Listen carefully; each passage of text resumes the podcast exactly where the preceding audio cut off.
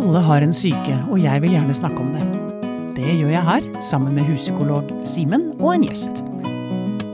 Dette er Pia på syke. Du, Simen, jeg er litt grann nervøs nå. Jaså? Ja, jeg blir alltid litt nervøs rundt politiet. Ja. Hvorfor det, da? Jeg vet ikke, jeg blir alltid, Når det kommer en politibil, gjør ikke du det? Kommer politibil, så tenker jeg å gud, gjør jeg noe gærent? Eh, Jeg skulle gjerne sagt nei, men jo, jeg gjør det, altså. Blir eh, litt sånn snev av angst. Autoriteten kommer eh, rullende. Ikke sant? Ja. Og så er det i tillegg dette at mannen vi har i studio i dag, har, er en av tre forfattere bak boken 'Den profesjonelle samtalen'. Så nå er jeg så redd for at jeg skal bli dømt nord og ned som At du har en intervjuer. uprofesjonell samtale? Ja. så vet du hva jeg baler med. Det er bra. Og sånn du får karakter Ja. på slutten. Terningkast på slutten, skal jeg be om. Ja. Velkommen eh, i studio, Asbjørn Rachlew. Tusen takk. Eller er det Rachlew?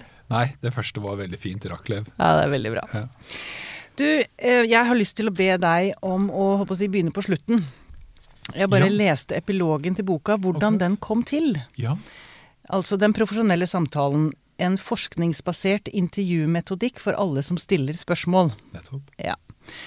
Den har en litt rar eh, start, opprinnelse, liksom. Ja, det kan du si. Ehm, det var jo Altså, hvis jeg, skal ta meg tid til å ta hele stor- historien, Her har vi god tid. så var det jo nettopp ehm, faktisk eh, terroraksjonene i Oslo som, eh, og Utøya.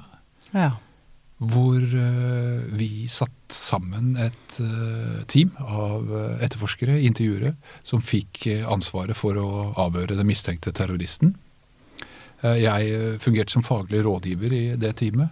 Og en av de etterforskerne som jeg og vi valgte ut, var Geir Egil Løken, som gjennom andre alvorlige straffesaker hadde vist at han hadde forstått de forskningsfunderte nye eh, intervjumetodene. Og han er Som- en av de andre forfatterne. Riktig. Ja, ja. Mm.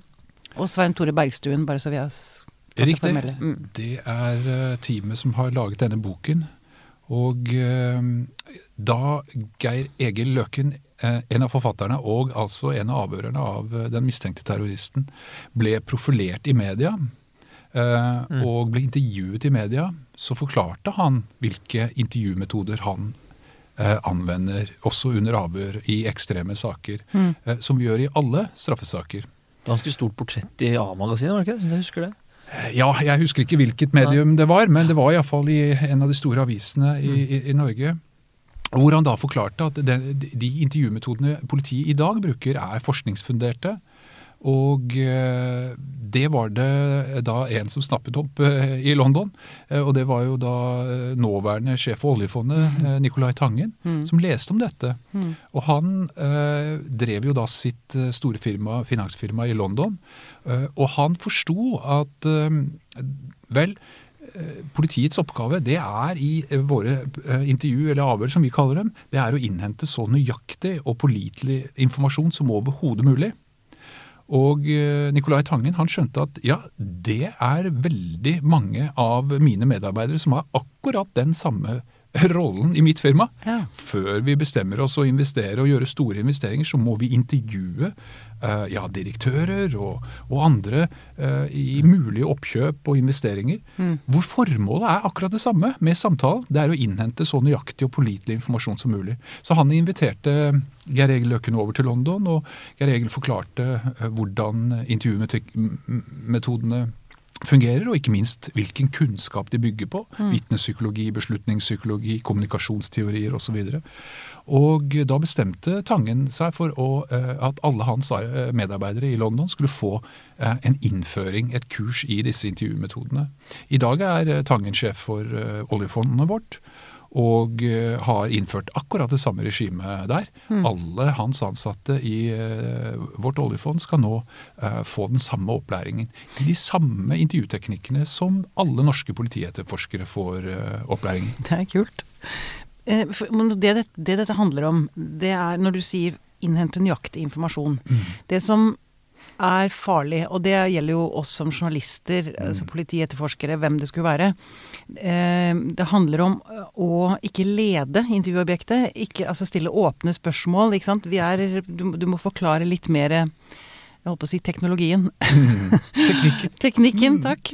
Eh, bak, bak For det er du som har utviklet denne vitenskapen. Eller du er Ja, eh, det skal jeg ikke ta på meg, men jeg har vært med, har vært og, med. Jeg har vært med ikke minst å formidle den i, i, til norsk politi, og så har jeg vært med å videreutvikle eh, metodene våre. Mm.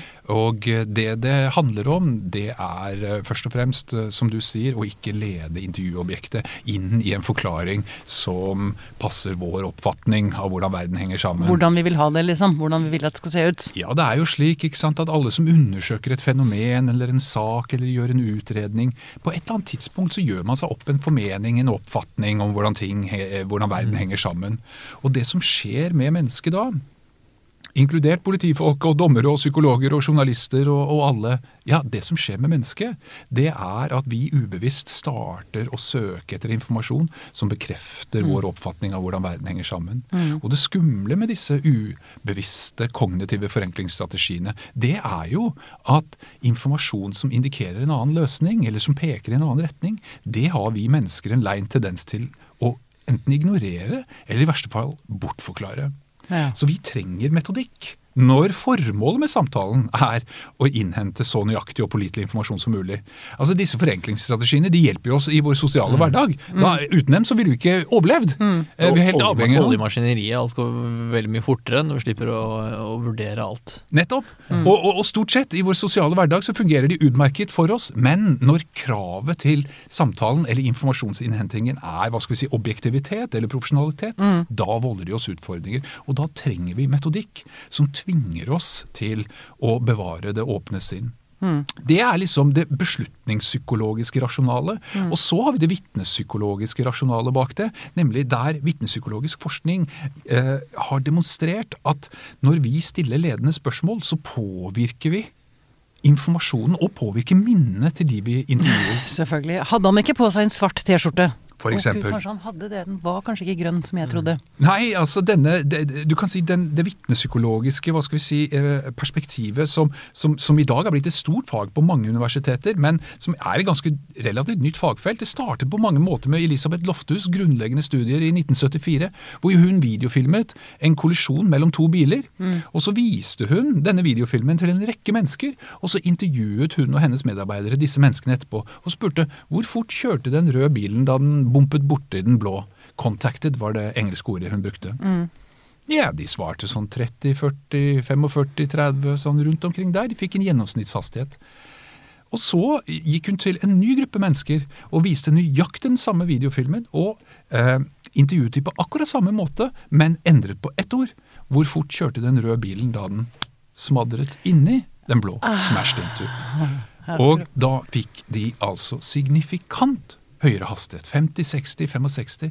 Og da forsto Elisabeth Lofthus hvor stor påvirkningskraft intervjueren har på påliteligheten av den informasjonen som vi samler inn. Og det er klart, dette er jo essensiell informasjon for alle eh, politietterforskere og alle andre profesjoner Som- der du er avhengig av pålitelig informasjon. Ja, Og det er også du- ja. morsomt den samtiden hvor, eh, hvor Loftus gjorde sin forskning, da, så var det jo en, eh, en, eh, en stemning av eh, undertrykte minner som bør eh, løftes fram, som kan komme fram i eh, psykoanalyse ah, ja. eller hypnose eller eh, andre kreative mm, måter og suggestive teknikker, da. Mm.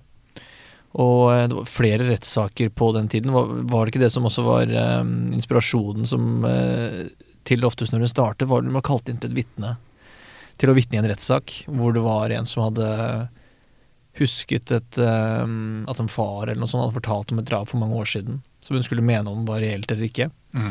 Detaljene er jeg jo uklare på, da, men det var jo da en, en stemning om at vi undertrykker eh, minner. Mm. At det ligger der. Vi må bare grave det godt nok fram. Ja, men Og det det, som kommer opp, er jo tilfellet. For det er ikke noe man kan tenke seg til. men det kan det faktisk være. Ja, Man kan nettopp. manipulere folk til å tro at noe har skjedd. Ja. Det er helt riktig. Mm. Elisabeth som var var jo en pioner Mm. uh, innenfor det feltet også, hvor hun da viste at det faktisk er mulig gjennom uh, hva skal vi si, press, manipulasjon, uh, å frambringe falske minner. Ja. Eh, og, og, og, har jo gjort gjennomført klassiske studier som er blitt repetert av andre forskere nå. Ja. Så i dag er jo det en etablert sannhet for de som tar til seg den forskningsbaserte kunnskapen.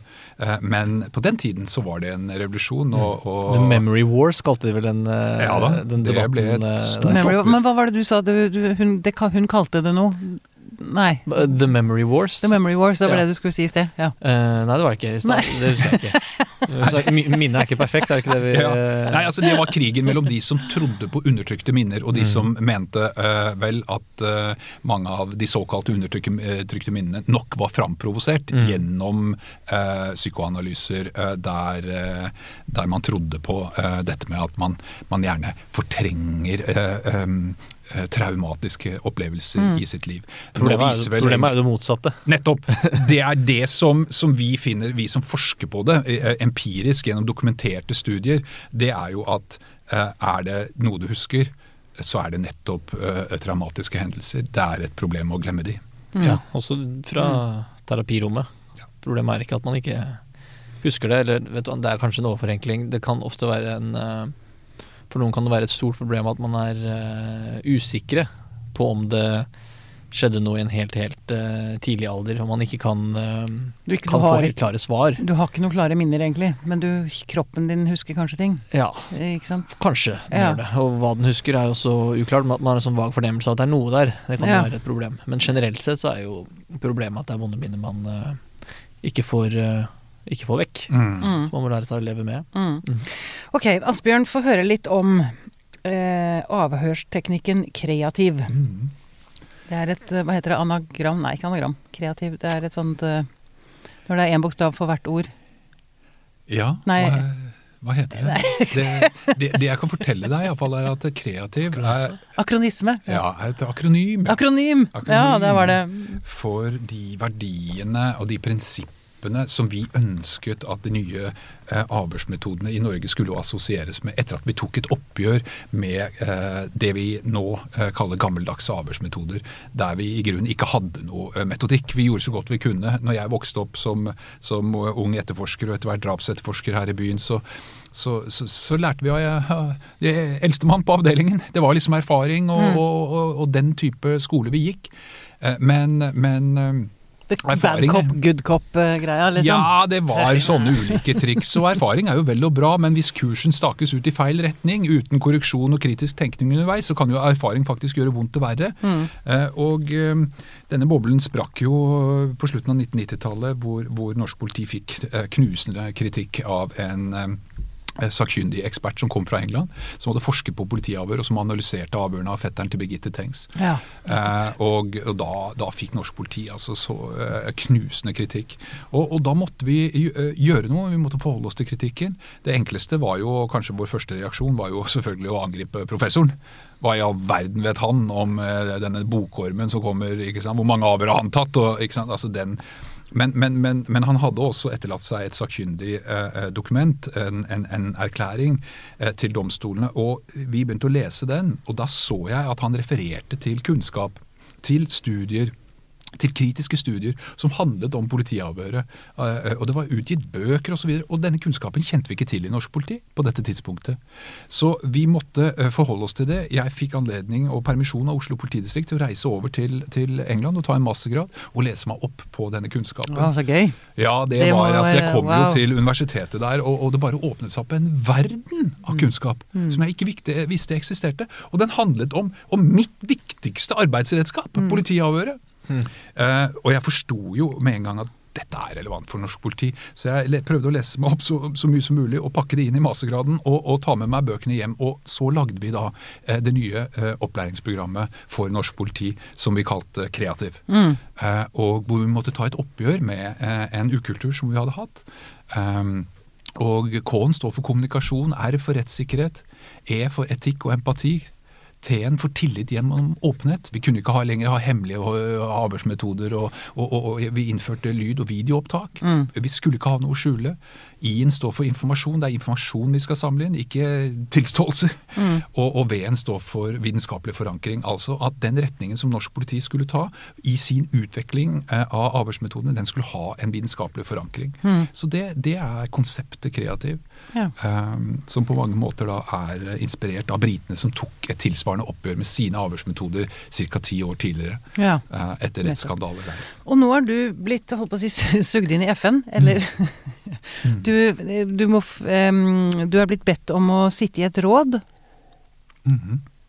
Det er riktig, fordi uh, uh, selv, om, selv om utviklingen av norsk politi i et historisk perspektiv nettopp har startet, og vi har masse utviklingsområder igjen og skal fortsette vår utvikling, men i et globalt perspektiv så har Norge kommet langt. Vi var det andre landet i verden etter England som dedikerte oss til de forskningsfunderte intervjumetodene. Og I det perspektivet er vi kommet langt. Og eh, det har ø, ulike eh, organer og, og- og menneskerettighetsforkjempere og, og ja, ulike personer snappet opp. Eh, Og eh, så har vi også i Norge utviklet et unikt samarbeid mellom politiet og universitetet og akademia, og ikke minst Norsk senter for menneskerettigheter, eh, hvor jeg er, ja, jeg er deltidsansatt der. Jeg har vært, hatt permisjon fra politiet og jobbet eh, der som forsker. Eh, Så, så, så vi har et, et litt spesielt i et globalt perspektiv nok en gang eh, samarbeid mellom politiet og menneskerettighetsinstitusjoner. Dette er jo håper å si, fiender i de aller fleste andre land, men det er blitt en modell som FN ser at jo, det er jo den mest fruktbare modellen. Vi ønsker jo det samme. Vi ønsker jo et effektivt politi som ikke bare arbeider i tråd med minimumsrettighetene, men som arbeider i tråd med intensjonene og verdiene og prinsippene som ligger til grunn for menneskerettighetene. Og der mener jeg at Norge er moralsk forpliktet til å vise vei. Um, hvis ikke vi i vårt privilegerte samfunn, et av de rikeste samfunnene i, i verden med, med små indre kløfter, og, og, og, hvis ikke vi kan ta utviklingskostnaden og vise at det er mulig å utvikle et politi, et effektivt politi som arbeider i tråd med menneskerettighetene, ja, hvem skal da gjøre det? Så dette samarbeidet er blitt hva skal vi si, anerkjent og sett og registrert i FN bl.a. Så derfor har vi fått en sentral nå, eh, posisjon i utviklingen av globale retningslinjer Ja. for politiavhør. Du, nå, jeg, en liten digresjon jeg bare kom på. Jeg jobbet jo jeg jobbet med reklamefilm for mange år siden. Jeg husker det var en film for Politihøgskolen. øhm, en reklamefilm for Politihøgskolen hvor, som ble filma ned på brua her på Løkka. En sånn sen kveld, tåkete. Så står det en fyr klar til å hoppe ut fra broa. Og så kommer det en politimann mot han, og så han ser han, og så snur han seg, møtes blikket, og så sier han politimannen Du, vanligvis så pleier de å hoppe ut fra andre sida. og hele payoffen, altså det, det Politihøgskolen var ute etter, var å få tak i folk som eh, hadde empati, altså som tenkte De hadde så mange sånne muskelbunter som skulle tøffe seg. Ja. De hadde altfor mange sånne som søkte til Politihøgskolen. da.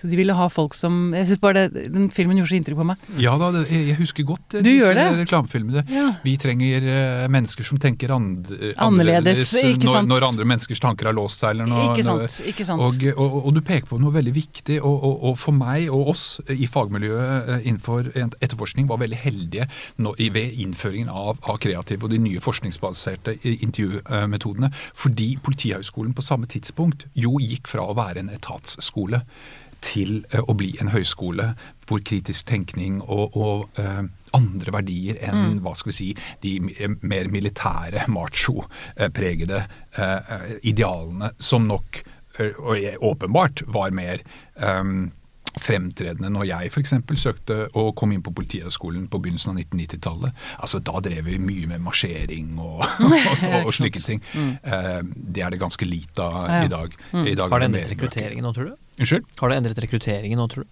Ja, det er jeg overbevist om, det er ingen tvil om. Men, Ja. men, men, men fortsatt så har vi jo fysiske krav. Eh, så ja, ingen kjenner fremtiden, men jeg håper vel at Politihøgskolen kanskje kan bli for to ulike hva skal vi si, fagretninger. For Det er noe ganske annet å være etterforsker enn å være innsatspersonell i gaten. Det er to vidt forskjellige arbeidsoppgaver. Men selvfølgelig at vi må ha mye felles hva skal vi si, undervisning for å få en forståelse av politiets rolle i samfunnet. Og, og, ikke sant? Altså At man kan ha mye fellesfag, men så kanskje på det tredje året i bachelorgraden at man eh, For det er klart, ikke sant? Det å, det å intervjue barn, f.eks. Jeg vet dere har hatt gjester eh, fra barnehuset her. og, og eh, Det er jo politietterforskere som jo er spesialistene innenfor området av avhør av barn, f.eks. Mm. Det er jo en ganske annen jobb enn å, å, å, jobbe i beredskapstroppen. Og, Eller dra ut og hente inn eh, fulle folk. Så, mm. så vi får se. Men, men det er ingen tvil om uh, at vi rekrutterer nå, hva skal vi si, etter eh, andre kriterier enn en, en i gamle dager. Mm. Eh, det er det ingen tvil om. Simen, Mm. eh, får du noen tenk, te, eh, si, Lærer du noe Asbjørn i, rundt et- i ditt fag, eller er det altså eh, Når du sitter da med en pasient Mm. Ja. og eh, altså, hvor, hvor bevisst er du på om du leder pasienten i en retning som du tenker er riktig? Altså, er du eh, bevisst på dette med åpne spørsmål, eller hvordan, hvordan jobber du Ikke sammenlignet så med det? stor uh, grad, i hvert fall ikke på samme måte, tror jeg. Men uh, definitivt å ha en åpen uh, Å legge til, legge til grunn en åpen stemning, en ikke-fordømmende stemning, for å Mm. kunne gå i de Riktige blir gærent, da, men, eh, Ja, ja, men viktige viktige, mm. retningene, kanskje. Jeg tror, eh, men det er en grunnleggende du- forskjell her. At det er Jeg lurer på hvordan det føles å sitte i et intervju og ha en eh, ambisjon som er å komme fram til en objektiv sannhet. Ja. Uh, og det er jo, driver jo ikke jeg med. Nei. Det har jeg aldri tenkt når jeg går inn i en terapitime. nei.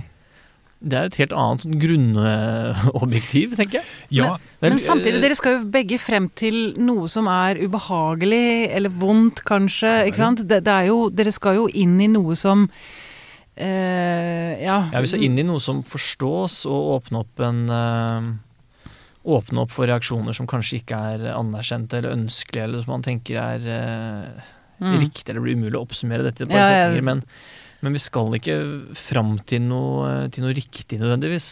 Og det tror jeg er en, er en grunnleggende mm, forskjell. Absolutt. Det vil være helt klart. eh, Formålet er jo ulikt. Men hvis du leser boken 'Den profesjonelle eh, samtalen', eller når du leser den, så vil du se eh, da selve intervjuteknikkene, altså modellen som vi arbeider etter. Eh, der vi deler intervjuet, den profesjonelle samtalen, inn i ulike kritiske, sine kritiske faser eller elementer. Så starter det med forberedelser. Altså, eh, Du kan ikke gjøre et, et profesjonelt eh, intervju hvis ikke du på en måte har satt deg inn Hvem, hvem er det du skal snakke med? Liksom, altså, hvis, det er jo ikke alltid det er noe historikk, men men fysiske forberedelser, altså hvordan ser intervjuerommet ut, og, og, og så videre, og ikke minst dine mentale forberedelser. Og når forberedelsenes tid er forbi, ja, så er det første som skjer, er jo kontaktetableringen. Mm. Du møter jo pasienten, eller, eller, eller vitnet. Ja. Eller den Hvordan- kriminelle. Ja, eh, ja, ja, eller vi kaller det da mistenkte. Den mistenkte, Dommerne Dommerne får avgjøre om vedkommende er skyldig eller Ikke ikke. det er ikke vår fella. oppgave. Mm. Um, men, men, men så er det kontaktetableringen. Hvordan skal vi møte mennesker? Mennesker kan være nervøse, som du innledet intervjuet med. Ja, da gjelder det å skape forutsigbarhet. Det gjelder å, å, å, å etablere roller og rammer for intervjuet, eller for, for konsultasjonen. Altså måten jeg har tenkt å gjennomføre dette intervjuet på, er osv. Og eh, gi informasjon om hvis det er rettigheter eller formaliteter, menneskerettigheter eller taushetsplikt, eller hva det måtte være. Rydde unna alt. Eh, og så uh, eh, ligger det i modellen da at når kontaktetableringen er gjort, der vedkommende føler at jeg blir tatt på alvor, jeg blir lyttet til, dette er en trygg arena, han eller hun jeg snakker med er profesjonell, her kan jeg åpne meg opp. Mm.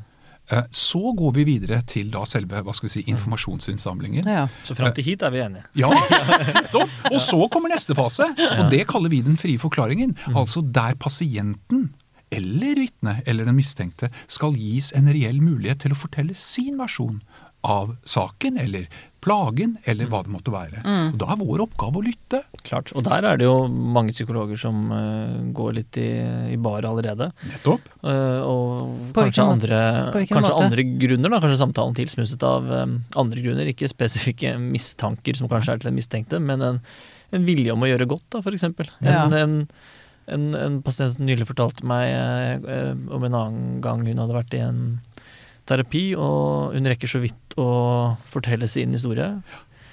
Nei, hun gjør ikke det. Hun rekker så vidt å begynne. Mm. Og hun føler seg ganske dritt, er på et svakt sted i livet. Og så sier jo psykologen Jeg ser at du er eh, sterk.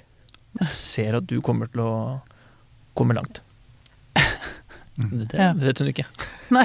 Hun føler, seg, hun føler seg faktisk ganske svak. Mm. Ja. Usikker på hvor hun skal. Ja, og føler seg da overhodet ikke forstått. Nei, er Eller sett. Nei, jeg ikke lyttet til. hørt. Nei, reaksjonen var Nei, hun, hun vil jeg ikke prate med. Så, så, så, så, så, Det var faktisk tilfellet. tilfelle. Nettopp, det er et godt Ja. eksempel. Og da er du enig med meg at uh, da er neste fase også helt lik. Den frie forklaringen som vi eh, da vektlegger. Og, når, og her er det jo aktiv lytting. ikke sant? Og, og, og når, når vedkommende har fått eh, tømt seg og har fått en anledning til å fortelle alt, ja, så går vi over i neste fase som vi kaller sondering. Altså hvor det er vår tur til å stille spørsmål. Men vi bruker akkurat den samme teknikken her, hvor vi da introduserer, men nå med spesifikke temaer. Altså, du nevnte f.eks. en eh, hendelse i den barndommen. Nå vil jeg at du skal fortelle meg alt om den. Så bruker vi igjen akkurat de samme teknikkene, men nå og mer spesifikke hva skal Vi si, vi kaller det bevistema, men dere vil ta, kalle det ja, kritiske temaer. Så, når timen er slutt, eller intervjuet er over, ja, så skal det avsluttes. Og det må også skje på en profesjonell måte. Eh, For forskere som har eh, undersøkt eh, politiavhør Og husk, det er ingen intervjusituasjon som er underkastet, uavhengig av profesjon, som er underkastet mer kritisk granskning enn nettopp politiavhøret. Og, de, eh, og jeg tror det er derfor vi også har kommet langt, eh, eh, i iallfall de som følger den forskningsfunderte fremgangsmåten. Da. Eh, de så jo at når avrøv eller intervjuet var ferdig, så var det liksom ja, ferdig, og det ble for brått. Mm. Eh, man må sette av tid. Avslutningsfasen av et intervju er en viktig del, slik at vedkommende føler seg ivaretatt hele veien igjennom. Mm. Bare for f.eks. å spørre er det noe du tenker på nå? Eh, før, vi, før vi skilles, liksom? Er det, er det noe du har på hjertet? Og sette av tid til det. Eh, og ikke minst forklare veien videre, osv. Så. Eh, så det kaller vi avslutningsfasen av et profesjonell samtale. Og så har vi hengt på en, en, nok en fase som vi kaller evaluering. Altså der, der etterforskeren skal forsøke å sette av litt tid til seg selv eller sammen med kolleger og, og, og, og, tenke igjennom hvordan gikk dette. Mm. Fulgte vi planen osv. Mm. Men har du noen holdt på å si, eklatante eksempler på det motsatte? Altså, Har dere noen sånne vandrerhistorier i politiet? Sånn det mest begredelige avhøret? Å ja, kjære venner, det er det masse av. Jeg, jeg vet ikke. Men, altså, men, men, men, men altså, som jeg pleier å innlede uh, i, i, når jeg, enten jeg taler i, i FN eller, eller hvor jeg er um, Jeg pleier å innlede omtrent uh, slik. Jeg må bare altså, slippe inn hunden min, unnskyld. Like uh, Ja. Nei, der får vi en gjest i studio, ja. Mm. Så hyggelig. Ville han ikke være alene ute lenger? Kong Pelle. Ja. Kommer Pelle inn. Eh, Og Pelle avbrøt oss, eh, men nå skal jeg eh, se om jeg klarer å plukke opp Ja, tråden. Avbrytelser, det er ikke bra for minnet. Nei, det, du kan miste eh, tråd, Tråden. og faktisk glemme det du hadde tenkt å si. Oh, ja da, det Men i kan alltid. Det kan jeg i den terapeutiske samtalen så kan det være nyttig. Hvordan er det for deg når du blir avbrutt? Hvordan kjennes det? Ja, ja, ja, akkurat. Ja, det kan være irriterende. Nei, altså det, du, du, du, spurte jo rett før Pelle spurte om å komme inn her, så spurte du jo om, om jeg har noen vandrehistorier om hva skal vi si, hvordan man ikke skal gjøre det. Eh, og det, de finnes det mange av. Eh, og eh, internasjonalt så finnes det masse grusomme historier. Altså Du må huske på 60% av mine kolleger rundt omkring i verden de bruker fortsatt tortur som eh, en teknikk under sine avhør. Ja. Eh, Men eh, det, er- det, i min karriere i politiet så har eh, norsk politi var kommet mye lenger enn det, heldigvis, når jeg begynte på 1990-tallet. Men vi brukte manipulasjon. Um, Få høre. Hvordan? ja, det Ta, kunne ta et avhør av meg. Manipulere Nei, meg. ja, men altså, altså De velkjente teknikkene, det var jo liksom ikke sant, å fremstille seg selv som mistenktes beste venn. Ha en tørkerull på kontoret sånn at mistenkte så den, men ikke nå den, nå, han nådde den ikke selv, sånn Mm. at du kunne gi det han. Og på, og på den måten, i anførselstegn, understreke din medmenneskelighet overfor han osv. Dette har ingenting med medmenneskelighet å gjøre. Det var manipulasjon fra Mm. A til Å, med ett formål for øye, for å få vedkommende til å tilstå. Mm. Like most detectives around the world, I was taught to believe that once I had a suspect, it was my job to get him to confess. Ja. Det var den tradisjonen. Og, og, og tilståelsesfokuserte avhørsmetoder. De aller fleste politistyrker rundt omkring i verden anvender fortsatt det. Fordi de har ikke lært bedre. Og det på en måte føyer seg inn i en intuitiv tanke. Vi har jo arrestert den! Da må Og han veit jo, ikke sant? Så nå må vi. Mm. bare få sannheten ut. Eh, mens det er altså andre uh, teknikker og en annen tenkning som er det mest effektive. Og det forskning viser, heldigvis, helt i tråd med vår erfaring, det er at de etterforskerne som har forstått denne teknikken, det etiske grunnlaget, kommunikasjonsteoriene, eh, det er de som får mest informasjon. Ja, Også ikke når, sant. Mine kolleger eh, i England, Alison og hans kolleger fra universitetet i Liverpool, har studert over 2000 avhør av mistenkte terrorister i England. Og de har fått tilgang til alle lydopptakene av alle avhør i England av mistenkte terrorister. Og de ser, og de har analysert minutt for minutt, hvert eneste avhør, og de ser at de etterforskerne som har forstått de prinsippene som vi har snakket om nå, det er de som får mest informasjon. Mm. Det er de som faktisk får mest tilståelser også. Mm. Jeg har lyst til å trekke opp et, et begrep. Savatskis metode. Mm. Glassklart vindu. Jeg syns det var så utrolig fint bilde. Eh, det skal du også få lov til å forklare, Asbjørn, hva det er for noe. Det tenker jeg er veldig viktig for meg som journalist. Ja, altså det er spennende, fordi nå bringer du inn eh, et, eh, en annen profesjon. ikke sant? Savatske var jo en som tok intervjusituasjonen innenfor journalistikken på alvor og, og gravde seg ned i det. Og eh, Årsaken til at eh, Svein Tore Bergstuen, som er journalist, er medforfatter i boken, det er jo at Svein Tore og jeg vi hadde eh, eh, Vi møttes eh, på en fagdag i eh, Skal vi se, det var i UDI. Eh, For eh, der UDI ville trene opp sine ansatte til å intervjue asylsøkere på en profesjonell, eh, så profesjonell måte som overhodet mulig. Og da inviterte de ulike hva skal vi si, fagpersoner innenfor intervjuteknikk. Og Så lyttet Stein Tore til mitt innlegg, og jeg lyttet til hans innlegg, og så så vi at det var mange fellesnevnere. Det vi kunne tilby i tillegg, var jo denne modellen, eh, som, som er et pedagogisk grep for å lære opp hva skal vi si, en praktisk modell. Men, men hva skal vi si, grunnprinsippene var de samme. Så, og Svein Tore er jo veldig inspirert av Savatskis metoder. Eh, og eh, dette med, med, med glass, eller eh, vitnepsykologer kaller det snø, nysnø, det er at hvis du, hvis du tenker på minnene eh, som nysnø, og hver gang du stiller spørsmål, så er det å tråkke Så setter i et spor. så setter du et spor. Mm, mm.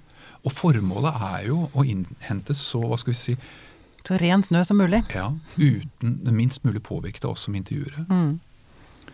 Uh, så Men Ja. så, det glassklare vinduet hvordan, eh, Da er det ingen ledende spørsmål. Det er ingen eh, eh, manipulasjon. Altså eh, jeg, Nå prøver jeg å komme på i farta en måte å stille et spørsmål på som er åpent, og et som er lukket. ja.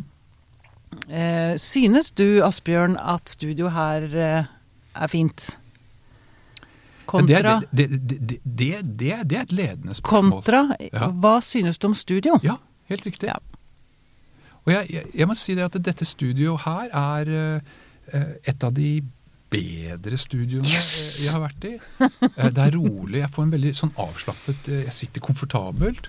Eh, jeg har jo denne dingsen for meg, Mm. foran meg, men, men det fins studioer i NRK hvor det er så Der ser jeg jo ikke den jeg snakker med. Mm. Mens, mens vi to har jo god øyekontakt. Mm. Vi også.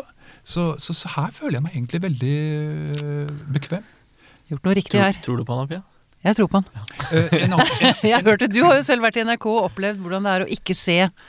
Ja, det snakka vi om da. Se- se mikrofonringen som er øynene. Det er det viktigste for det første studioet vårt. Der hadde vi ikke øyekontakt, og det var så slitsomt å snakke med folk i studioet. Det var helt grusomt. nei, dette har dere løst på en glimrende måte. Mm. En annen ting er jo at vi sitter jo alle her i 45 grader. Eh, som, som jo og, eh, og, vi gjør i politiavhør. Eh, og det er mange gode grunner til Å det. ja, se Ja. der lærer jeg noe nytt. Ja, Nei, altså for vi, vi, Det er ikke slik at jeg sitter rett overfor deg sånn jeg, Det er veldig truende, det jeg, kan bli jeg føler veldig meg truende. beglodd hele Mm, tiden. mm. mm. Samtidig så skal vi Jeg sitter jo ikke med ryggen vendt heller. Nei. Vi må ha en viss kontakt. Det er en balanse mellom hva skal vi si, kontakt og personlig frihet. Ja, ja, ja. Og der, den får vi, eh, mener og viser enkelte studier, den får vi best ved å sitte i 45 grader. Ja, Eh, Så det er akkurat. mange grunner til at eh, dette studio Det eneste selvfølgelig som var en ulempe i studio her, det var jo Vi ble jo forstyrret. Ja. Men det var jo ingen menneskelig eh, faktor. Det var, eh, men det er klart det at uh, Sørg for, sørg for å, å ha et rom hvor, hvor, man, hvor, man, eh, hvor det er privat, og Ja. lite skilt på døren. Men for hos psykologen, det kommer jeg minner meg om Siri Gullestad, eller Freud, der de, Mm. hun har, altså psykoanalytikere har jo fått liggende på benken så man ikke har øyekontakt i det hele tatt. Mm. Noen mens, psykoanalytikere, ja. No, ja, mens du, det vet jeg jo ikke, jeg har ikke vært i terapi hos deg, men vanligvis hos psykologer så sitter du jo rett overfor. ja. Du har vel vært innom kontoret kontoret? Ja, Jeg har sett kontoret ditt, men ja. jeg har jo ikke sittet i en samtale med deg sånn. Nei, der er det jo en eh, En sånn tosetersofa og et litt sånn lite stuebordaktig. Og så Mm. sitter jeg i en stol på andre sida. Mm. Og den er vendt litt sånn eh, Du sitter litt 45 grader du òg, eller kanskje Ja, bortimot. 32 grader? Ja, ca. 32,8 er det jeg har funnet ut her eh, er best. Nei da, men eh, det er jo også eh, Det er jo også terapeuter som insisterer på å sitte rett, rett ovenfor. Det har jeg også gjort en del ganger. Rett ovenfor uten bord også. Mm. På to vanlige stoler, ikke Mm. engang uh, lenestoler. Mm. For å um, få fram nettopp de følelsene som du beskriver. da Å føle seg eh, beglodd. Ja, føle seg i eh, intens kontakt. Få opp det, det angstsystemet fordi hva skjer Mm. Akkurat da, for å, få, for å få tak i det, for å bruke det terapeutisk. Men jeg tror heller ikke de hadde vært um, hadde argumentert for at det var den beste måten å komme fram til noen objektiv informasjon på. Nei. Men da kommer vi inn på den grunnleggende forskjellen i de forskjellige Mm. Den Mm. terapeutiske samtale og den Ja, ja. For det jeg tenker på i ISTDP, det, ehm, Ja. da, der, det har jo jeg gått i. Og da sitter vi jo Da, da er det jo ikke noe bord imellom engang. Det er to stoler rett overfor hverandre. Ja. Men det han var opptatt av, var jo å, å registrere hvordan kroppen min reagerte. Ikke Ja. sant? Han var ute etter å finne følelsen i kroppen. Hva skjedde nå? Ja. Hva er Hvorfor dine, strammet hva er dine forsvar som våkner når du blir Ikke sant? Hvorfor, hvorfor krysset du? Hvorfor strammet du? Hvorfor Ja. Nå slutter du å puste? Det er jo denne I-en, da, i den ISDDP-en. Altså intensivt. Altså det skal være intensivt, Ja. og det skal skje, Ja. skje fort og, og hardt. Da, Fort og jo- brutalt. Ja, det funker jo. Ja.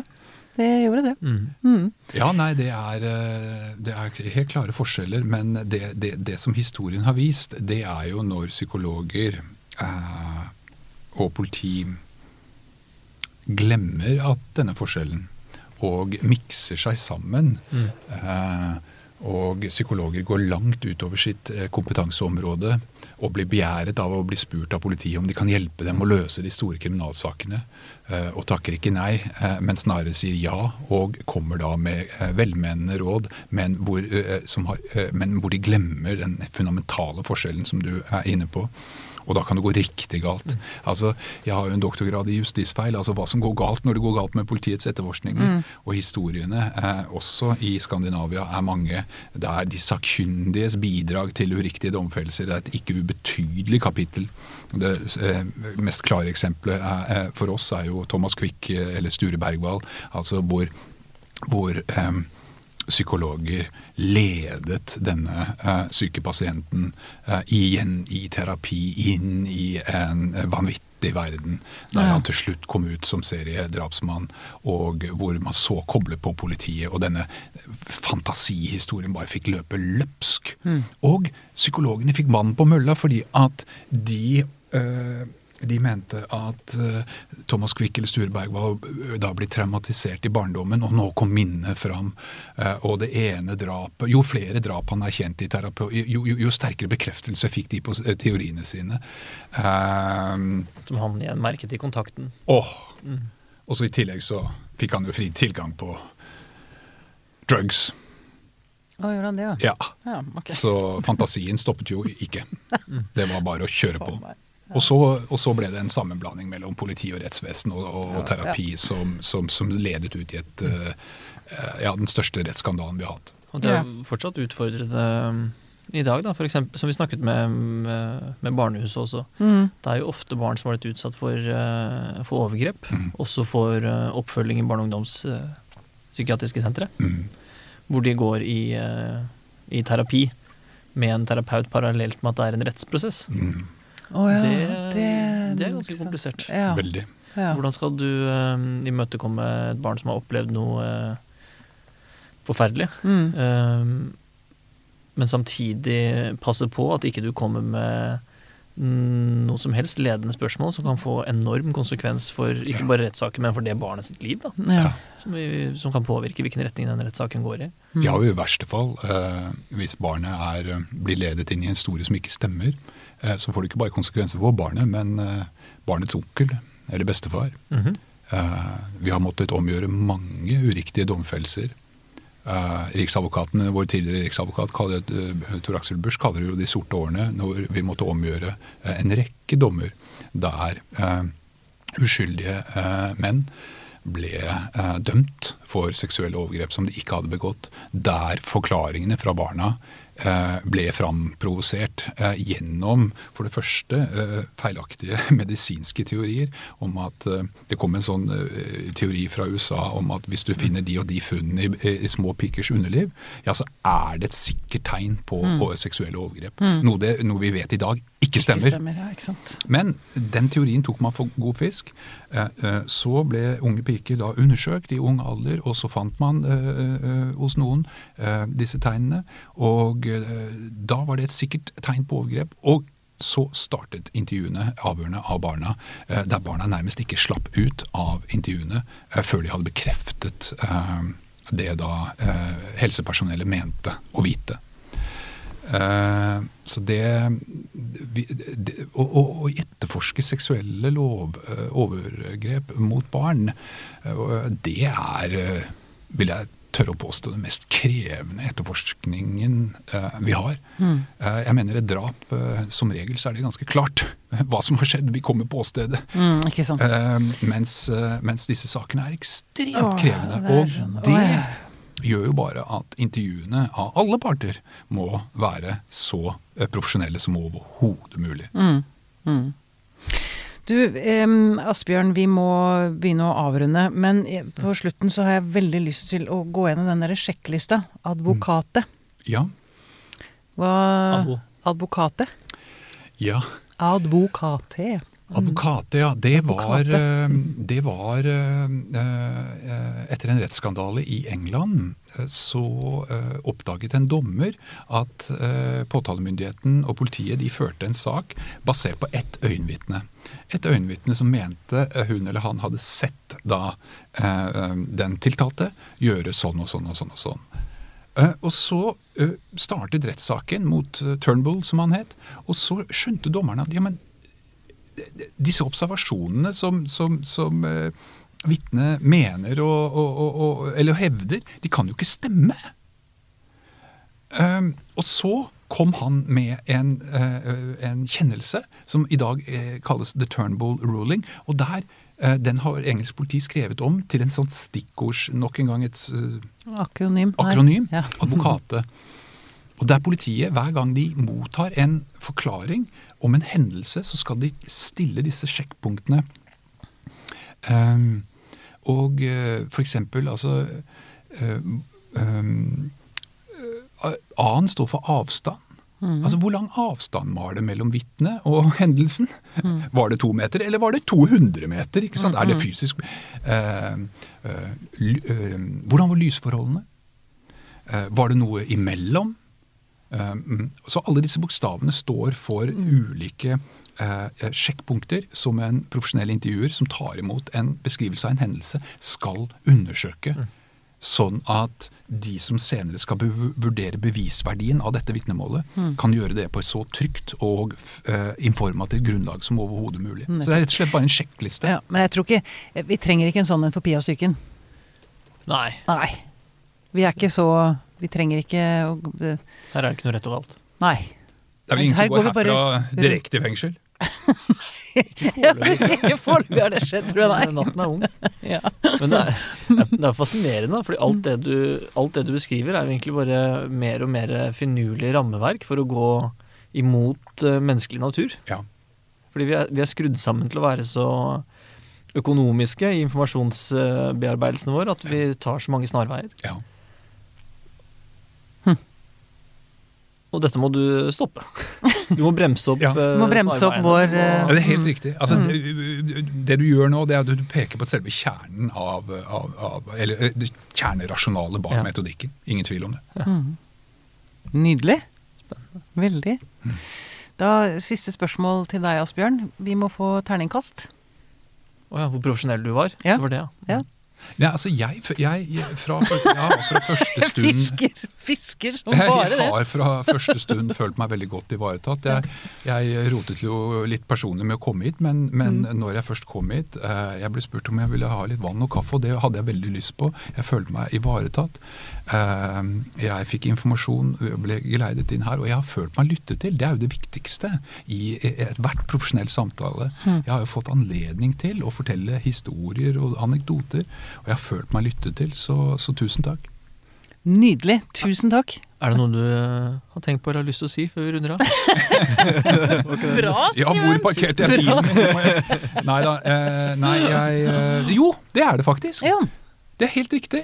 Jeg er litt spent på eh, når, når blir dette sendt? ja. Du Sånn at ikke jeg går i uvitenhet var det var tydelige nærmeste. rammer. Ikke sant? Ja. ehm, eh, det blir jo veldig dumt å si på lufta, fordi når lytteren hører på dette, så er den jo ute. Mm. Men jeg kan si Jeg tror om tre uker. Ja. Tror jeg. Ja, Det blir- det det er er veldig litt greit for sånn- meg å vite. Ja, ikke skal du får sant? god, tydelig beskjed i forkant. Ja. Ja. Ja. Veldig bra.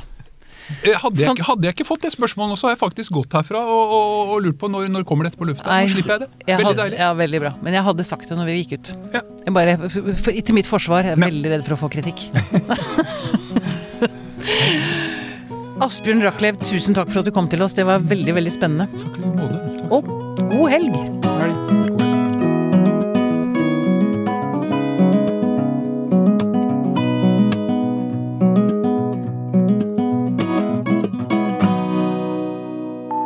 Podkasten er produsert av Tid og Lyst. med støtte fra stiftelsen Kåre Berg.